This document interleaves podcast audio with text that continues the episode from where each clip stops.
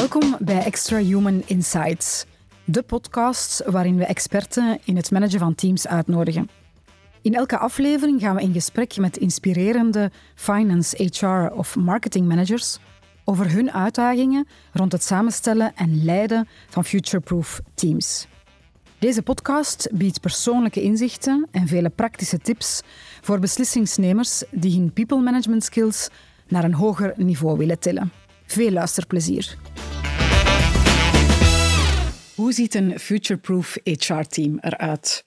Dat is toch wel een vraag die heel veel HR-leidinggevenden bezighoudt vandaag. Mijn naam is Ellen en mijn co-host vandaag is uh, Charlotte.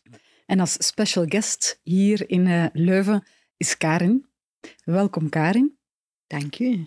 Fijn, misschien als jij jezelf even eerst uh, voorstelt. Mm -hmm. ik ben dus Karin, Karin van Roy. Ik start altijd met te zeggen, ik ben 61,5 en niet om te stoeven dat ik 61,5 ben, maar ik ben trots op elke dag dat ik hier op deze wereldbol mag en kan doorbrengen. Dus ik, vind, ik hou van leven.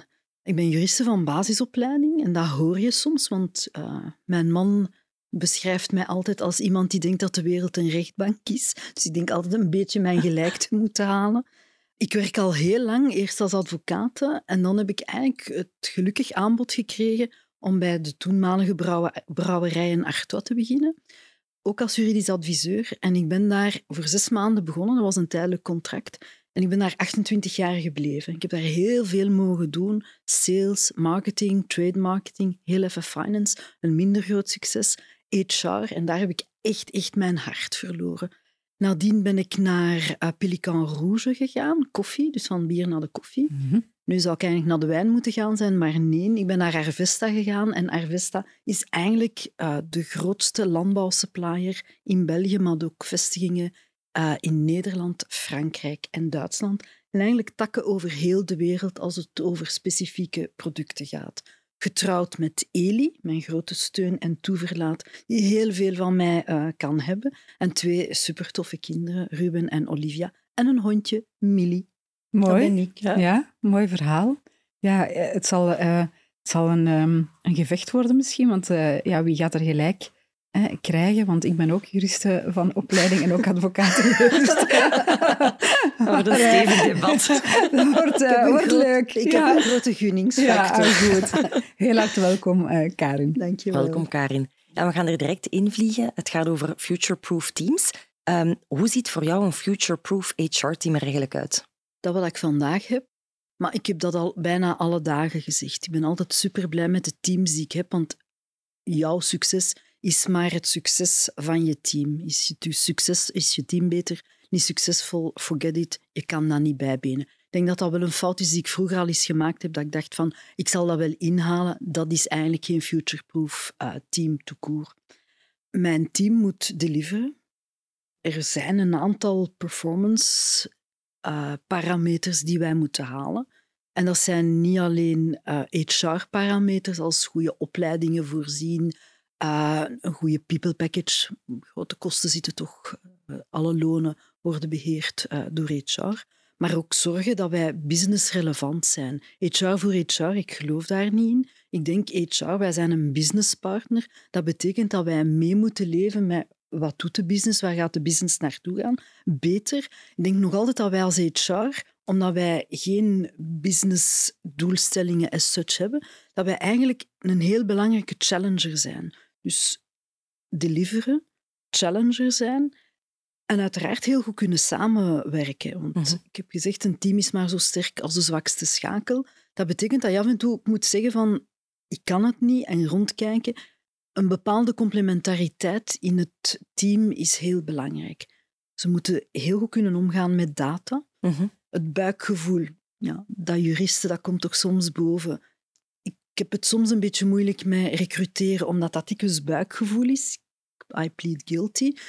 Meer data-driven HR, ik denk dat daar de toekomst in zit. Dus die digital skills gaan belangrijk worden. Project managers, heel belangrijk. Het is niet we doen maar, we doen, maar met als doel dan en daar.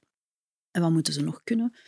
Uh, ja, business knowledge, maar dat zit eigenlijk in mijn eerste uh, vervat. Ja, en ook goed om kunnen met cijfers. 60% van de kosten van, van de vaste kosten van Arvesta 60 tot 70 procent van de vaste kosten zijn people-kosten. Dus als wij ons in een Excel-sheet een cijfertje zouden vergissen, dan zijn wij het ook die moeten gaan zeggen, sorry, maar uh, dit jaar zullen we de resultaten niet behalen. Het was een komma dat fout staat, dat gaat niet. Mm -hmm. Dus samenwerken, agile zijn, project management, business astute, uh, sa ja, samenwerken heb ik al gezegd. Maar ja. dat zijn zo'n aantal dingen die ze absoluut moeten hebben. Oké. Okay.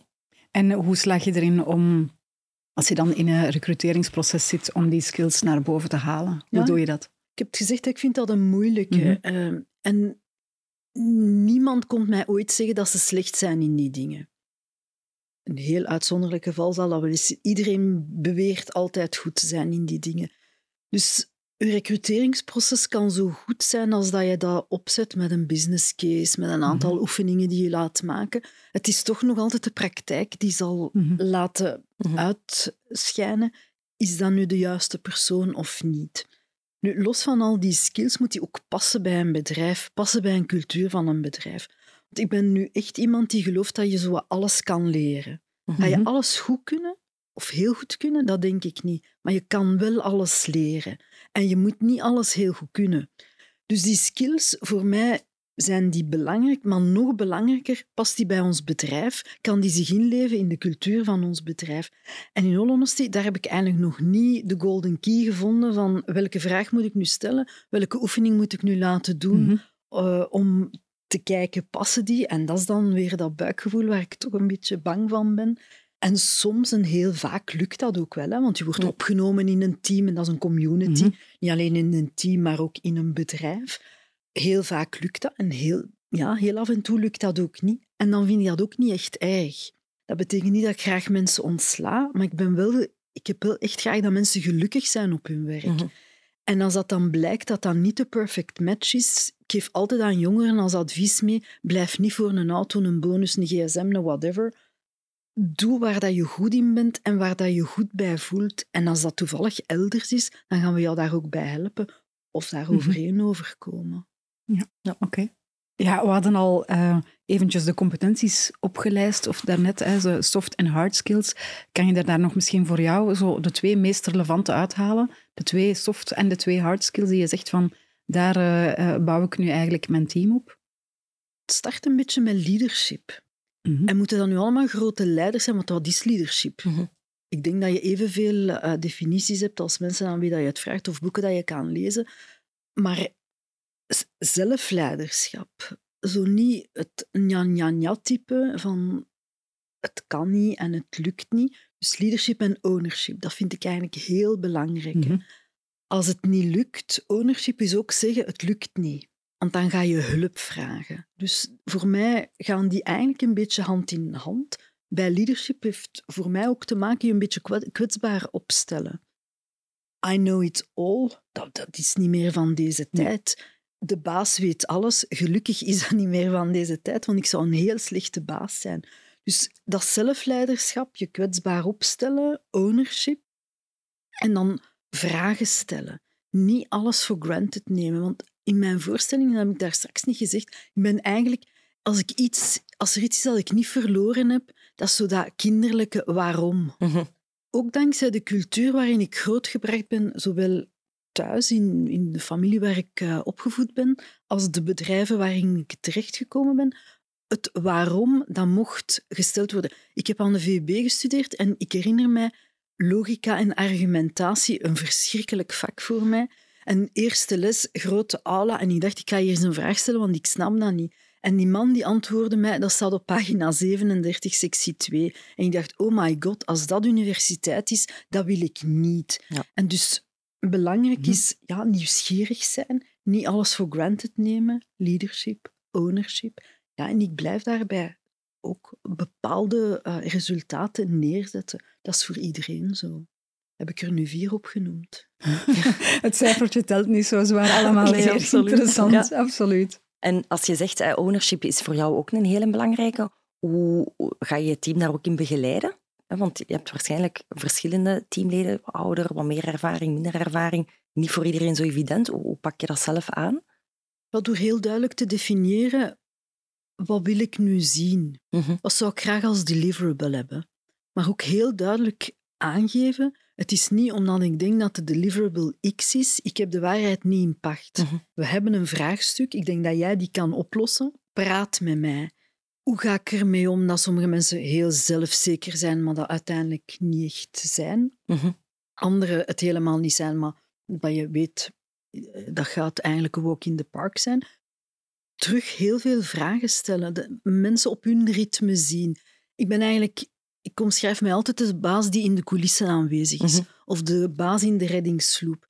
Ik zal de souffleur zijn als ik zie dat het even niet meer gaat, maar niet de souffleur in de oplossing, maar de souffleur in, terug, ik ben daar weer met mijn vraag, even is, maar bekijk dat eens langs een andere kant. Of zo diegene die in de reddingssloep zit. En als ik, je moet af en toe kop kunnen ondergaan. Hè? Ja. Anders leerde niet. De eerste keer dat ik een medewerker heb gekregen, had ik een inductieplan, een introductieplan, maar van hier tot in Timbuktu. State of the art. Alleen heb ik die jongen zodanig overstelpt dat hij binnen de week compleet gaga was en 's maandags niet meer wist van welk hout pijlen maken. Ik heb ondertussen geleerd dat begeleiden vanuit de re- reddingssloep en af en toe kopken onder zien gaan en af en toe zo oep, Ja. dat dat hoofdje terug boven komt en samen naar het resultaat gaan. Ook recognition, dat vind ik heel belangrijk. Niet alleen op het moment dat het eindresultaat wordt gehaald, Mhm. maar de weg er naartoe vind ik minstens zo belangrijk. De manier waarop vind ik ook heel belangrijk. Het is niet van, het is de go-getter die iedere keer het resultaat haalt, dat dat de beste medewerker gaat zijn. Mhm. Het is, we winnen eigenlijk enkel en alleen als team. En tot mijn grote scha en schande, zo die oefeningen die je in de Rainy Ardennes kan doen, waar je als team moet aankomen. Eens dat er een wedstrijd is, ben ik die go-getter en die als eerste aankomt en die denkt gewonnen te hebben. Gelukkig heb ik nu geleerd dat als ik daar alleen sta en alle anderen staan nog aan het begin, dat je niks gewonnen hebt. Dus ook dat meegeven aan je team, dat er samen moeten voor gaan. En dat lukt eigenlijk best aardig. Maar zoals in het begin gezegd, ik denk altijd dat ik een droomteam heb. Oké, dat is heel fijn om te horen. Oké. Brengt me misschien naadloos bij de volgende vraag. Wat is voor jou de belangrijkste learning bij het samenstellen en het managen van een team? Belangrijk bij een team, maar dat is zowel op micro, een team dat aan jou rapporteert, als het grotere HR-team, als het Arvesta-team, dat iedereen zich goed voelt. En dat je eigenlijk iedereen de ruimte geeft om te zijn wie hij is. Uiteraard wil dat nu zeggen dat, ik geef altijd het voorbeeld van de beeldhouwer, ja, die gaat niet bij Arvesta passen. Het moet ergens binnen onze missie passen. Nu, het mooie is dat wij een hele mooie missie hebben en zo die, die purpose. Corona heeft dat extra duidelijk gemaakt. Geen Arvesta, geen landbouw, geen boterhammetjes, geen biefstuk, geen groente. Dus wij waren ook essentiële sector. Wij mochten open blijven, wij moesten blijven werken. Maar dat heeft ons ook naar onze mensen die purpose. Dus heel belangrijk voor dat team is erbij horen, maar erbij horen niet als een product, maar als wie dat je bent. Hm. Want ik blijf overtuigd, en dat is ook ja, diversiteit. Wat is dat, diversiteit? Wil- Ik heb onlangs ook zo een, een webinar meegedaan en het andere bedrijf had zo echt KPI's, zoveel mannen per, en vrouwen per eh, H-categorie. Ik geloof daar niet in. Waar ik wel in geloof is well-being. En dat is dan niet omdat onze purpose is mensen zich goed te laten voelen, maar onze purpose is ja, er te zijn voor de landbouw, de tuinder, de hobbytuinder. En ik ben overtuigd, hoe beter onze mensen zich voelen, hoe beter onze mensen als werknemer gaan presteren en hoe beter wij gaan zijn als bedrijf. En als wij beter zijn als bedrijf, kunnen wij terug gaan investeren in die mensen. En dat denk ik dat een belangrijke is. Hm. En dat is eigenlijk voor mij, daar probeer ik rekening mee te houden eh, in teamwerk. Betekent dat dat ik iedereen op zijn sterkte inzet? Als het erop aankomt, betrap ik mij daarop dat dat effectief zo is. Dat is waar. Maar betekent dat dat iedereen enkel en alleen zijn sterktes mag uitoefenen? Sommige van mijn teammensen zeggen al wel eens tegen mij, toen je mij dat vroeg, ik haatte jou. Ik hoop dat ze dat dan niet heel is letterlijk bedoelen. Eh, maar achteraf beschouwd, je kent je mensen ook goed. Hè? Je gaat daar dag- dagelijks mee om. En je probeert ook samen met hen grenzen af te tasten. En af en toe eens over die grens gaan, dat kan eigenlijk geen kwaad. Zeker niet als daar een team rond is die, herinner u, even onder die kin, en dat we samen terug boven water komen. Een stukje die veiligheid binnen een team, dat er is voor eens een fout te maken, absoluut. voor eens uit die comfortzone ja, ik te gaan. ook in fouten maken. Mhm. hè. Ja. Ik kom uit een huwelijk. Mijn, mijn papa was 22 jaar ouder dan mijn mama. Dus mijn papa had definitely al veel muren tegengekomen dan mijn mama. En die wou elke muur aan mijn mama tonen. Dat le dan leerde niet. Nee. Mijn mama is beginnen leren. Als kind zag ik dat al, dankzij het feit dat zij daar eigenlijk een beetje dwars tegen deed Mhm. en toch tegen die muur ging. Ja. En dat is ook zo in het bedrijfsleven. Ja. En gelukkig. Ja. Mochten we enkel en alleen maar het juiste doen, niks zou nog uitgevonden worden. Hè? Want we zouden nooit nog risico's durven nemen. Dus af en toe zo'n keer uit de bol gaan, heeft nog nooit iemand kwaad gedaan. Ja, dat is soms een beetje loslaten. Hè. Ja. Kijk, Bij kinderen, die moeten ook soms een keer een goede muur tegenkomen En om dat wat te leren. tegen uw natuur, of Ja. toch in mijn geval, zeker als het mijn kinderen betreft, bij mijn medewerkers, hoewel ik ben zo... Ik kan streng zijn, Ja, maar ik heb ook zo wel een beetje het moederkloek. Maar mijn kuikentjes komen niet, daar ga ik voor staan. Ja. Maar ik zal ze wel challengen. Anders gaan dat, gaat dat nooit een goed team Nee. worden. Ik heb liever dat zij stralen en dat ik kan trots zijn op... We hebben nu zo... We hebben, u zal het waarschijnlijk in de pers hebben gelezen, maar we gaan een nieuwe CEO hebben. We hebben zo echt een hele mooie talent Mhm. pipeline. De ene kan de andere opvolgen, dus we moeten eigenlijk gewoon helemaal onderaan terug gaan aanwerven, een jong talent eh, binnenhalen. En een van de dingen was, een van de zinnetjes die erin stond, want dat is eigenlijk dankzij de goede begeleiding van twee van jouw mensen. Ah, Dat is voor mij, Ja. ja, dat is eten en drinken. Ja. Want als zij het goed doen, ja, dan doen we het als bedrijf ook goed. Hè. dat is mooi. Mooi verhaal.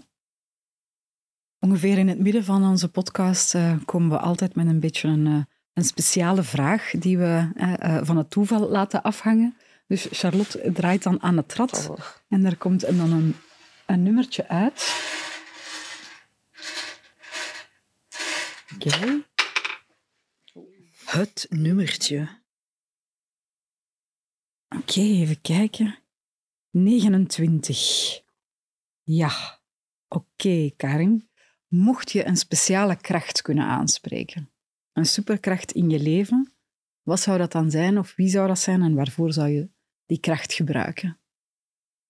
Ik zou geschiedkundige worden, maar geschiedkundige niet diegene die een master in eh, geschiedenis behaalt, maar ik zou... Ik mag een beetje dromen, hè. Ik Tuurlijk. zou de geschiedenis proberen herschrijven. Ik zou teruggaan in de tijd en ik zou eigenlijk proberen de mensheid...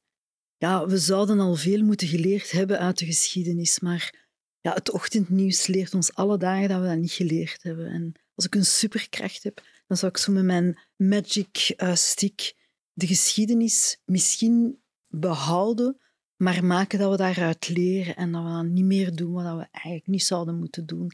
Het zou zoveel anders en zoveel moeilijk, mo- mooier en vooral ook zoveel gemakkelijker kunnen gaan. En toch, om redenen die mij ja, paf doen staan, blijven we vechten, blijven we ruzie maken. En don't get me wrong, hè. ik ben zo niet de pink fluffy bunny die denkt dat iedereen hè, altijd moet overeenkomen. Zo is een goed conflict, maar toch niet met mensen te doden of mensen niet te mogen omwille van huidskleur, etnische afkomst, whatever. We zijn op een bepaald ogenblik... Ik denk altijd, als iemand mij zo een beetje eh, onheus bejegent, dan denk ik altijd... Kijk, hè, als jij ziek bent of als je op het toilet zit, je ziet er ook maar uit zoals ik. En dat relativeringsvermogen, als we dat eens op de hele wereld zouden kunnen hebben, het zou toch iets makkelijker zijn. De wereld is groot genoeg van ons allemaal aan te kunnen. Laten we daar een prioriteit van maken. En niet van elk zijn stukje grond of elk zijn, zijn waarheid. Ja. Ook weer die diversiteit, die zou ik proberen uitspelen. Dus give me the magic stick.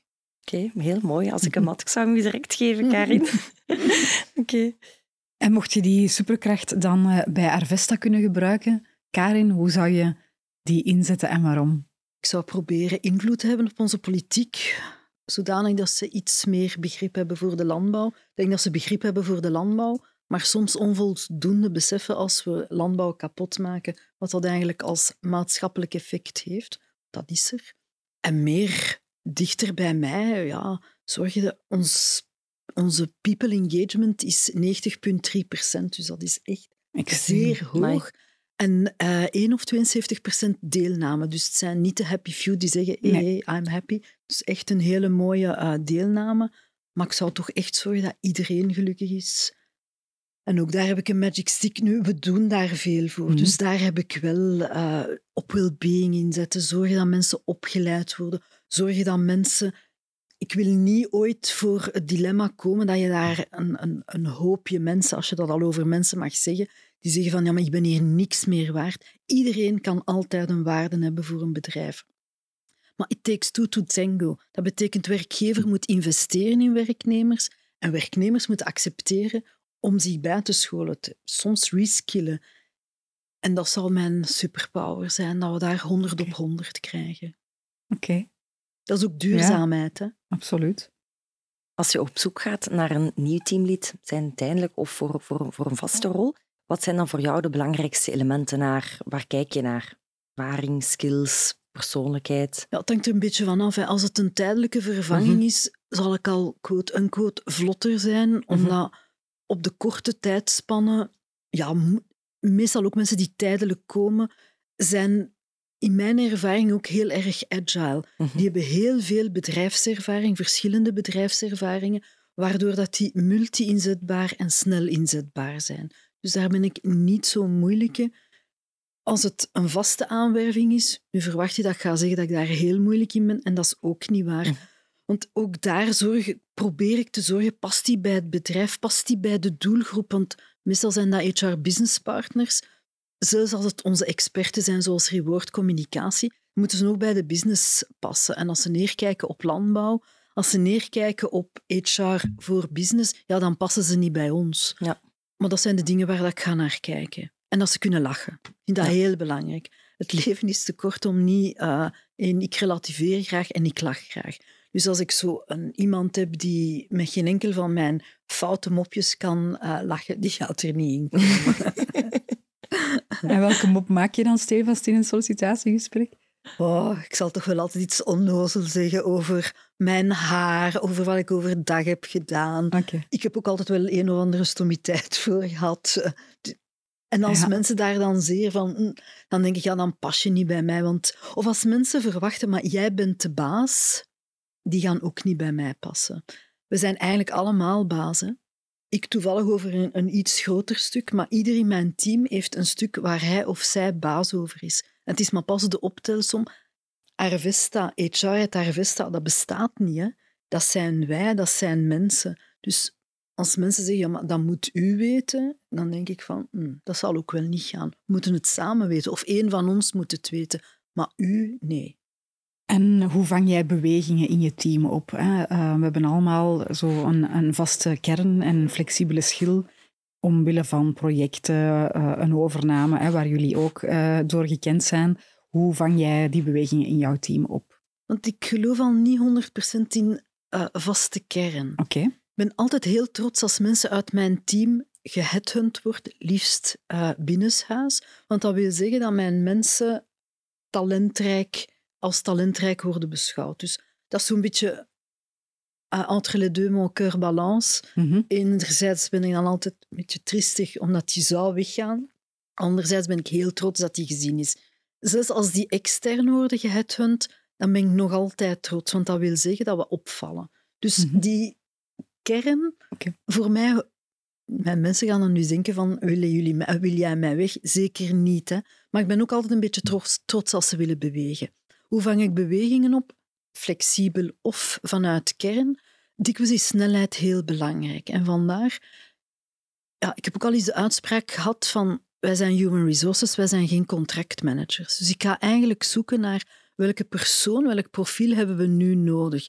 En wat type contract wordt dat dan? Ja, dat kijken we dan eigenlijk in tweede fase. Dus als we intern snel een oplossing kunnen vinden door iemand die doorgroeit, fijn. Als we dat niet hebben, ja, dan gaan we extern zoeken. Is dat vast? Is dat niet vast? Dat kan ook fijn zijn. Het spreekt uiteraard voor zich dat als bijvoorbeeld voor een integratie waarvan dat je weet dat binnen het jaar dat die gaat gedaan zijn, of zet je daar iemand binnenshuis op als project en weet je dat je die nadien terug gaat moeten laten uh, naar een andere functie gaan. Maar als je weet, dat stopt op heel korte termijn en ik ga niks anders hebben, want dat is echt zoiets afgemeten, mhm. ja, dan ga je best echt naar een echte tijdelijke kracht. Ja, en dan hebben we eigenlijk onze partners waar dat we absoluut graag mee werken en dat ook vlot gaat. Hm. Belangrijk is daar, ik ben zeker geen believer in multipartnership, omdat elk bedrijf is toch wel een beetje anders. Ik weet dat elk bedrijf ongeveer dezelfde waarden heeft. Er is geen enkel bedrijf dat zegt wij zijn niet integer tegen team spirit. Ik denk zelfs dat de maffia misschien niet integer zegt, maar wel team spirit. Maar dat betekent de manier waarop dat je die waarden invult, maakt je uniek als bedrijf. En als je met heel veel partners, toen ik aankwam bij Arvesta, werkten wij met 34 interimkantoren. Ik wist zelfs niet dat er 34 interimkantoren bestonden toen.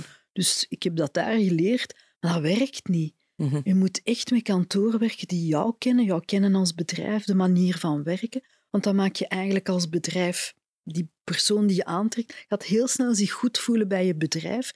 En de shortlist die we krijgen gaat ook heel snel goed zijn, omdat jullie beter beseffen van, ah, dat is eigenlijk wie ze zoeken. Dus alle wegen naar goede mensen zijn voor mij open. Oké. Het woord diversiteit is al verschillende keren gevallen. Hoe ga je daarmee om binnen je team op vlak van ervaring, leeftijd, noem maar op? Ik ben het levend bewijs dat ouder en grijs dat dat lukt. uh, maar ik weiger van daar naar te kijken. Mhm. Ik vind het zoveel belangrijk dat, belangrijker dat mensen bij ons passen dan het tik in de box te doen. Ik ben ooit geheadhunt geweest en ik ging niet.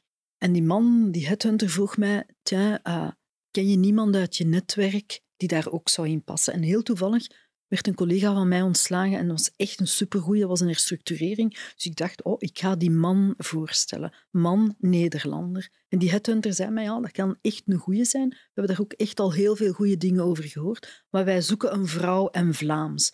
En dan dacht ik, oh my god, als dat diversiteit is, dan ben ik liever niet divers. Ja. Ik wil divers zijn in nog maar eens die cultuur, dat bedrijf aanbieden waar iedereen zichzelf kan zijn en waar niemand zich moet schamen omdat hij zich eens niet goed voelt, omdat hij een andere seksuele oriëntatie heeft, omdat hij iets donkerder, iets bleker, iets gekrulder.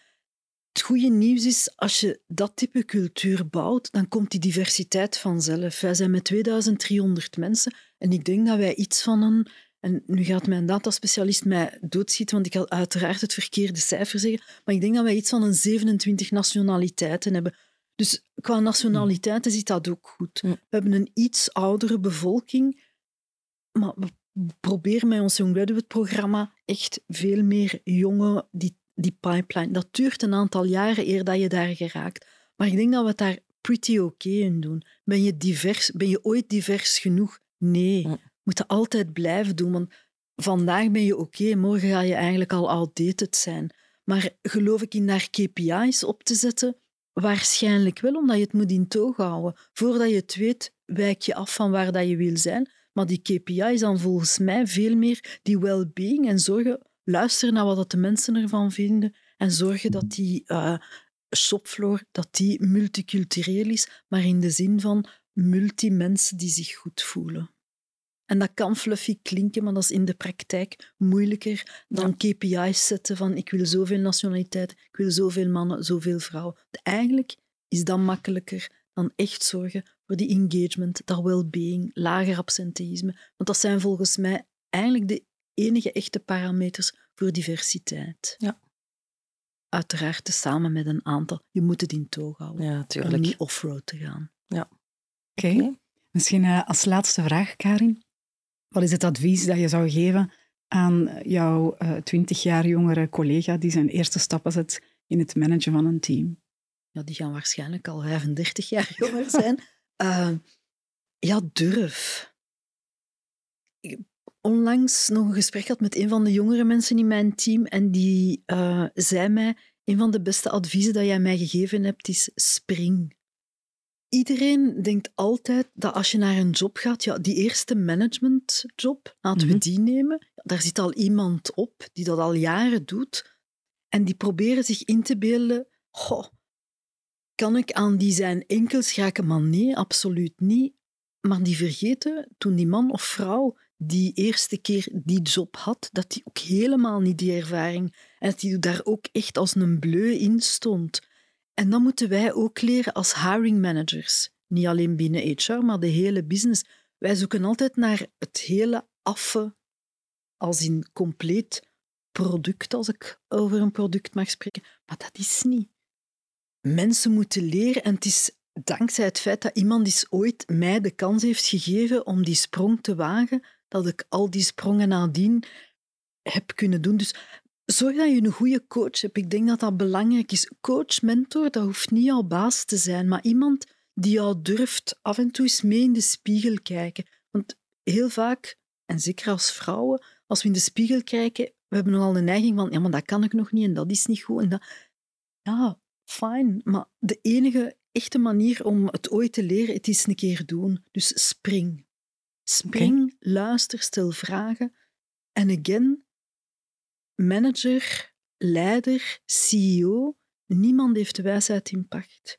Niemand weet alles. Dus springen en vragen stellen. En dan kom je er. Oké. Okay. Dankjewel, Karin, voor een heel mooi verhaal vandaag hier bij ons. Plezier. Ik onthoud vooral uh, nieuwsgierigheid, businessrelevantie van HR. En uh, ja, jouw vragen stellen, die horen, dat hoort een stukje bij de nieuwsgierigheid. En dan toch ook vooral het ownership. Uh, iedereen is eigen baas in zijn eigen rol, in zijn eigen functie en kan daarin het uh, verschil maken.